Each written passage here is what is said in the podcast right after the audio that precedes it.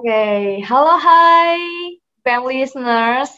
Kembali lagi di Ngobrol Bareng BAM bersama aku, Salsabila Zahra atau sering dipanggil dengan Tata. So, selamat malam, selamat sore, selamat pagi, selamat siang buat BAM listeners yang lagi dengerin kita. Dan selamat datang di podcast Ngobrol Bareng BAM yang mengangkat tema pada hari ini, Please buang gengsi, your mental health isn't a joke.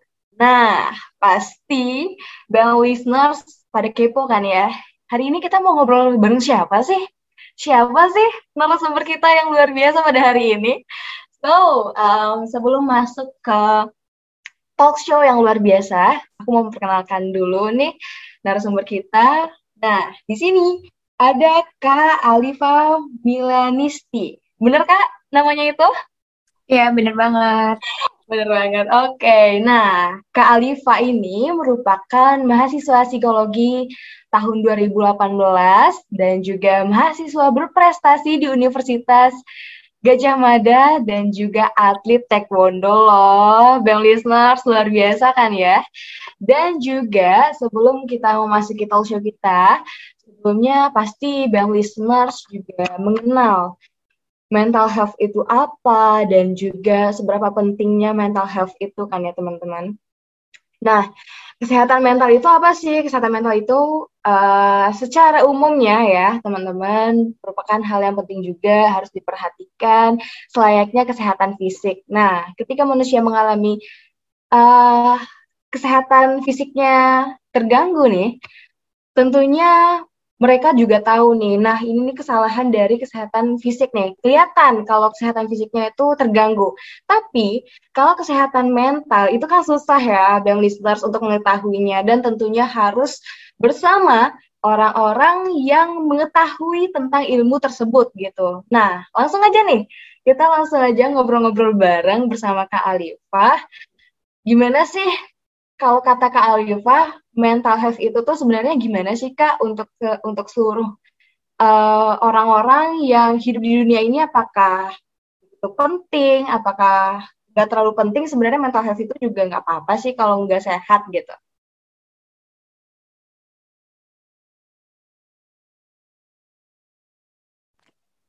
Oke, halo sebelumnya, uh, halo BEM list listeners ya. Iya benar. Oke, okay.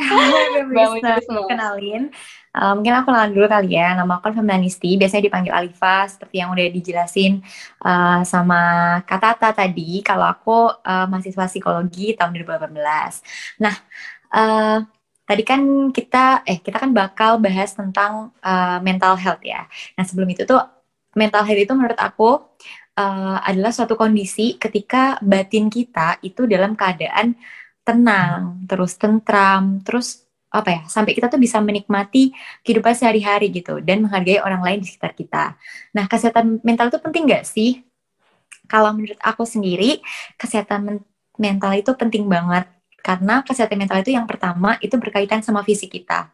Aku pernah dengar uh, dari dokter Brooke kalau nggak salah dia bilang kalau without mental health there can be no true physical health gitu, physical health. Yang berarti tanpa kesehatan mental, kita tuh nggak akan dapetin kesehatan fisik yang sebenarnya gitu. Uh, contoh sederhananya gini, misalkan nih, uh, pasti kita pernah ya ngalamin kayak uh, lagi kehilangan semangat, terus kita lemes, terus pas kita sakit. Nah, kalau pas kita sakit, kita nggak bisa mikir gitu. Nah, itu tuh yang dinamakan dengan mind body connection. Artinya uh, pikiran kita, perasaan kita, keyakinan kita, dan sikap kita tuh dapat mempengaruhi fisik kita baik secara positif maupun negatif gitu. Jadi kesehatan fisik ini dapat uh, mempengaruhi kesehatan mental secara positif dan negatif. Kemudian yang kedua, kesehatan mental ini tuh berkaitan dengan kehidupan sosial. Uh, pada kehidupan sosial nih, ketika kita uh, seseorang yang memiliki kesehatan mental itu tuh apa ya? Uh, kalau dia nggak punya kesehatan mental, dia tuh cenderung mengalami permasalahan kayak relasi, terus mungkin juga kepekaan, Uh, jadi nggak bisa dipungkirin lagi nih kalau kesehatan mental tuh seakan-akan jadi uh, keseimbangan gitu dalam kehidupan kita. Bagaimana kita berpikir, mengelola emosi, berinteraksi dengan orang lain, semuanya ini tuh berkaitan sama kesehatan mental.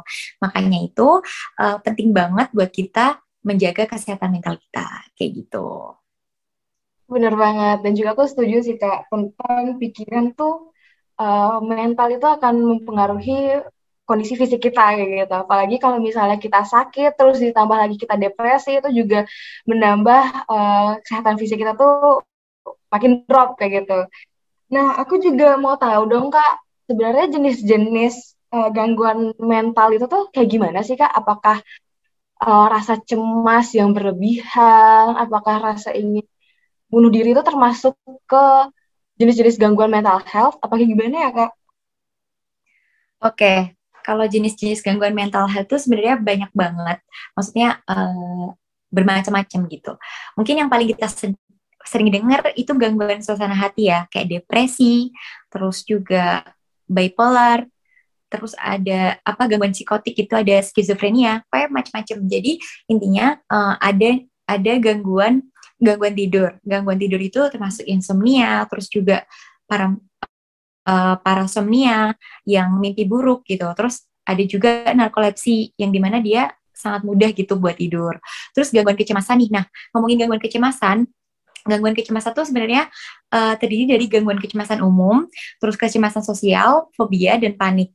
Cuman uh, apa ya? Uh, banyak yang dari uh, kita kadang tuh uh, self diagnose sendiri gitu, kayak uh, mengenali apa ya mengenali uh, gangguan mental yang ada di kita itu dengan cara cari-cari di internet. Sebenarnya terkadang sampai di titik tertentu itu bagus gitu karena kita udah mulai aware gitu sama uh, kesehatan mental kita. Tapi nggak jarang juga judgement uh, kita ini tuh salah gitu. Apalagi sekarang sumber-sumber di internet itu kan nggak uh, bisa semua kita percaya ya. Jadi emang untuk mengetahui gangguan gangguan mental yang sedang terjadi sama kita itu lebih baik ke ahlinya gitu yaitu psikolog atau psikiater kayak gitu jadi uh, jangan jangan uh, apa ya suka self diagnose sendiri gitu karena itu belum tentu benar kayak gitu sih kalau macam-macamnya yang pasti banyak uh, dan mungkin yang bisa digarisbawahi adalah misalkan nih ketika uh, kita kita sering nangis terus misalkan nih kita kita pagi nangis terus sore senang terus kita kayak ngomong itu bipolar. Nggak juga gitu nggak bisa iya, ngomong kayak gitu karena itu uh, berkaitan juga dengan durasi kayak gitu. Misalkan uh, sampai dua bulan gitu atau mungkin dua minggu itu baru uh, kita perlu ke ahlinya kayak gitu. Cuman kalau uh, hanya sehari sampai dua hari tiga hari nggak bisa kita langsung klaim kayak aduh aku bipolar nih nggak bisa kayak gitu kayak gitu sih Benar sih, dan juga teman-teman jangan self diagnosis sih yang paling penting ya. Dan juga uh, setahu aku nih, setahu Tata, bipolar itu juga pakai episode-episodenya juga kayak gitu. Jadi nggak yang pagi pagi nangis terus siangnya langsung happy itu tuh nggak sesimpel itu loh bipolar kayak gitu loh. Dan dari begitu banyak jenis uh, gangguan mental health ya kak, yang biasanya uh, anak-anak muda, anak-anak Indonesia yang sering kena itu tuh jenis apa sih kak? Oke, okay. uh, oke okay, bentar. uh, jadi gini, uh, kalau yang paling apa ya, paling banyak itu setahu aku depresi ya. Depresi uh, karena itu gangguan mental yang ditandai dengan suasana hati yang terus menerus sedih gitu sampai kita stres kayak gitu. Uh, dan menurut data uh, depresi itu merupakan apa ya gangguan mental yang sering terjadi di uh, remaja saat ini kayak gitu.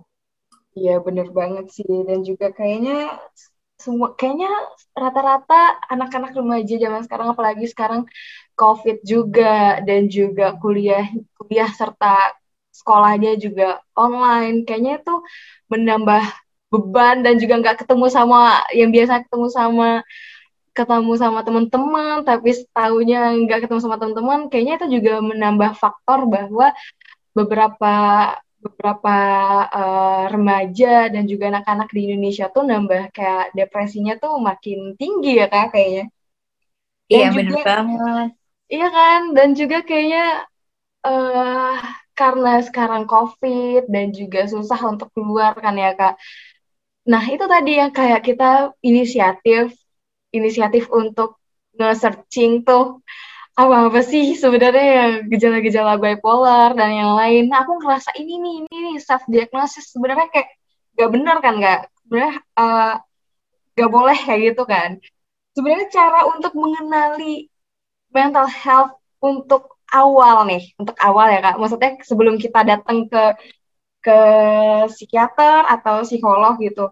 Sebenarnya untuk langkah awal kita mengenali sebenarnya aku kena mental health itu gimana sih kak? Oke, kalau cara mengenali sendiri, uh, itu yang pertama merasa sedih berkepanjangan. Kayak gitu, kadang tanpa sebab yang jelas, terus juga mati rasa, kita nggak bisa ngerasain apa pun, terus merasa lelah yang signifikan, ngerasa lelah banget gitu. Terus mungkin juga sering marah yang berlebihan, terus ngerasa putus asa, terus uh, ngerasa takut atau khawatir kayak gitu mungkin juga bisa perubahan apa ya suasana hati yang drastis banget gitu dan itu berlangsung dalam jangka waktu yang udah cukup lama kayak gitu. Nah, kemudian kita nggak mampu buat ngatasin stres kita sendiri, mau dengan coping apa pun, mau dengan gimana pun, kita ngerasa stres itu nggak hilang-hilang. Dan yang paling parah adalah ketika kita udah punya uh, pikiran untuk bunuh diri. Menurut aku itu udah kayak uh, apa ya? Itu udah emang harus kita aware banget buat ke psikolog atau psikiater kayak gitu.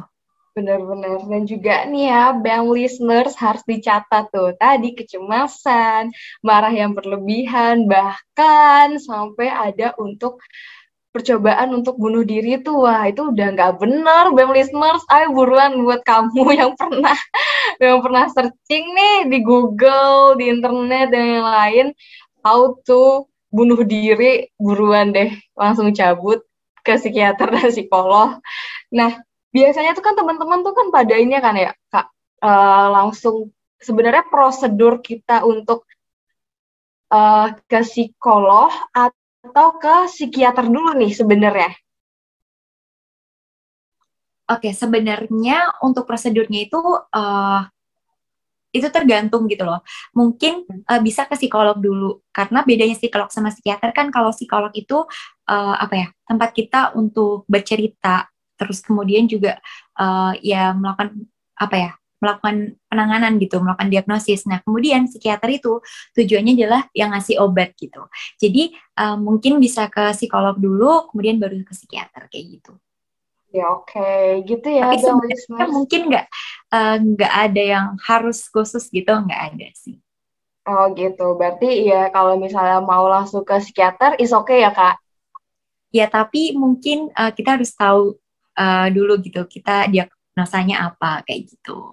Oke, okay. ya ya ya. Oke okay, kak. Dan juga um, well listeners harus aware sih ya sama diri sendiri dan juga jika punya uh, semacam-semacam gangguan yang menurut bang listeners ini tuh udah nggak bener, ini tuh udah harus ke psikolog atau ke psikiater itu langsung aja bang listeners nggak apa-apa karena biasanya nih ya, Bang Listeners, kalau kamu uh, cerita sama orang lain, belum tentu juga orang lain itu bakal ngedengerin cerita kamu kayak gitu loh. Jadi, so ya best solutionnya itu ya ke psikiater dan psikolog gitu loh, Bang Listeners. Dan jangan takut untuk cerita sepuas apa pun dan harus apa pun yang ganjel di hati harus diceritain Bang Listeners karena itu yang itu salah satu jalan untuk uh, psikolog dan psikiater itu tahu kamu itu sebenarnya sakit apa kayak gitu loh. Kamu tuh sebenarnya ada gangguan apa di mental kamu kayak gitu loh. Dan juga bang listeners, seperti yang kita tahu bahwa baru-baru ini ada uh, salah satu juga uh, perempuan cantik juga yang tinggal di Indonesia uh, melakukan bunuh diri ya, Kak dan itu juga salah satu aduh sangat-sangat um, gimana ya sangat-sangat sedih dan juga harus kita jauhkan ya teman-teman kalau misalnya ada apa-apa cerita aja. Dan juga kalau pandangan dari dari psikolog nih ya Mbak. Gimana sih Mbak menanggapi hal-hal tersebut kayak gitu? Oke, okay. Uh, mungkin karena kasus, aku juga belum. Iya, kasus dari Novita ya. Oke. Okay. Mungkin karena aku juga belum psikolog, uh, aku uh, dari sudut pandang aku aja ya. Menurut aku uh, kasus Novia ya. Iya. Oh Novia ya, ya oke. Okay. Ya kasus Novia itu uh, perlu banget kita ambil pelajarannya. Intinya uh, ketika kita ngerasa gak baik-baik aja, terus juga kita ngerasa uh, kok ini berat banget gitu, lebih baik kita cerita ke orang yang benar-benar support kita. Karena menurut aku uh, kasus Novia itu kan dari sisi keluarganya yang supportnya itu hanya mamanya ya. Bahkan uh, omnya atau pamannya aku nggak aku kurang tahu itu malah uh, nyuruh dia untuk uh, bunuh diri lah istilahnya kayak gitu. Sampai sejahat itu gitu. Nah menurut aku penting banget buat kita terbuka ke orang-orang sekitar kita orang-orang terdekat kita dan kita menurut aku mungkin lebih mendekatkan diri lagi sama Tuhan kayak gitu sih. Dan jangan sungkan-sungkan juga buat ke psikolog gitu karena menurut aku kalau itu udah masalah yang sangat-sangat besar uh, lebih baik dibicarakan ke ahlinya kayak gitu. Supaya kita dapat penanganan khusus kayak gitu sih. Iya benar banget sih Mbak. Setuju. Dan juga kayaknya uh, lingkungan juga mempengaruhi mental health kita ya Kak. Dan juga uh, sebenarnya nih kan ini sebenarnya mental health itu kan banyak banget faktor-faktornya mulai dari lingkungan dan lain-lain. Nah aku pengen tahu dong Kak sebenarnya uh, media sosial kan media sosial juga banyak banget nih sekarang Instagram dan lain-lain itu tuh sebenarnya juga mengganggu mental health kita nggak sih kak untuk kesehatan mental dari media sosial? Oke, okay. Kalau kesehatan mental uh, dengan media sosial sebenarnya uh, pasti ada pengaruhnya ya. Maksudnya uh, ketika kita lihat uh, di media sosial uh, negatif gitu atau mungkin kita dapat komentar yang negatif terus kita dapat judgement dari orang yang negatif itu mempengaruhi kesehatan mental kita tapi uh, sekarang pun di Indonesia juga aku lihat uh, kita tuh udah mulai aware sama kesehatan mental gitu. Uh, ini buktinya kayak misalkan podcast ini, kemudian juga banyak webinar-webinar, influencer yang yang apa bilang mental health itu penting kayak gitu-gitu di YouTube juga banyak. Menurut aku sekarang udah mulai aware sih dan uh, mungkin kita bisa milah-milah ya untuk mengantisipasinya kita bisa milah-milah mana hal yang positif buat kita dan mana hal yang negatif buat kita jauhin hal, -hal yang negatif dan uh, deketin hal, yang positif kayak gitu sih. Oke, okay. wow luar biasa sekali ya Mbak. Dan aku mau ini dong Mbak minta last statement nih untuk remaja yang ada di Indonesia tentang mental health dan lain-lain. Oke, mungkin last statement dari aku, nggak uh, apa-apa untuk merasa nggak stabil, nggak apa-apa kalau kamu pengen sembunyi sebentar dari uh, dunia ini, terus nggak apa-apa kalau kamu butuh bantuan, nggak apa-apa untuk merasa nggak baik-baik aja, karena kamu tuh nggak bisa kontrol semuanya gitu. Kadang kamu tuh cuma perlu relax dan yakin kalau semuanya tuh bakal baik-baik aja, and don't be afraid to speak up about your mental health. Wow, bener sih. Dan aku setuju banget sama yang terakhir. Karena ya beberapa orang takut untuk speak up mengenai mental health-nya. Dan juga mungkin mungkin ya mungkin lingkungannya juga nggak begitu paham dengan mental health hingga menganggap bahwa mental health itu ya nggak ada nggak ada. Jadi mereka cuman nggak akan mendengarkan apa yang kita rasakan kayak gitu. Dan aku juga setuju mengenai uh, jangan takut kalau kamu tuh untuk nggak ada dulu di dunia ini menghilang dulu nggak apa-apa. Yang penting uh, kamunya baik kamunya mental kamunya juga stabil dan yang lain. Dan sepertinya ini kita udah di penghujung acara ya Bang listeners aduh kayaknya kita harus disedihan dulu nih untuk berpisah sama Kak Alifa yang luar biasa segudang ilmu dan juga um, public speakingnya luar biasa juga kak. Thank you banget mau sharing-sharing bareng BMKM FE UNY pada malam hari ini dan juga BEM listeners banyak banget ilmu yang kita dapatkan pada podcast ini dan jangan lupa untuk selalu bersyukur dan berdamai dengan diri kamu. Oke, okay, tata akhir ya, BEM listeners. Bye-bye. See you.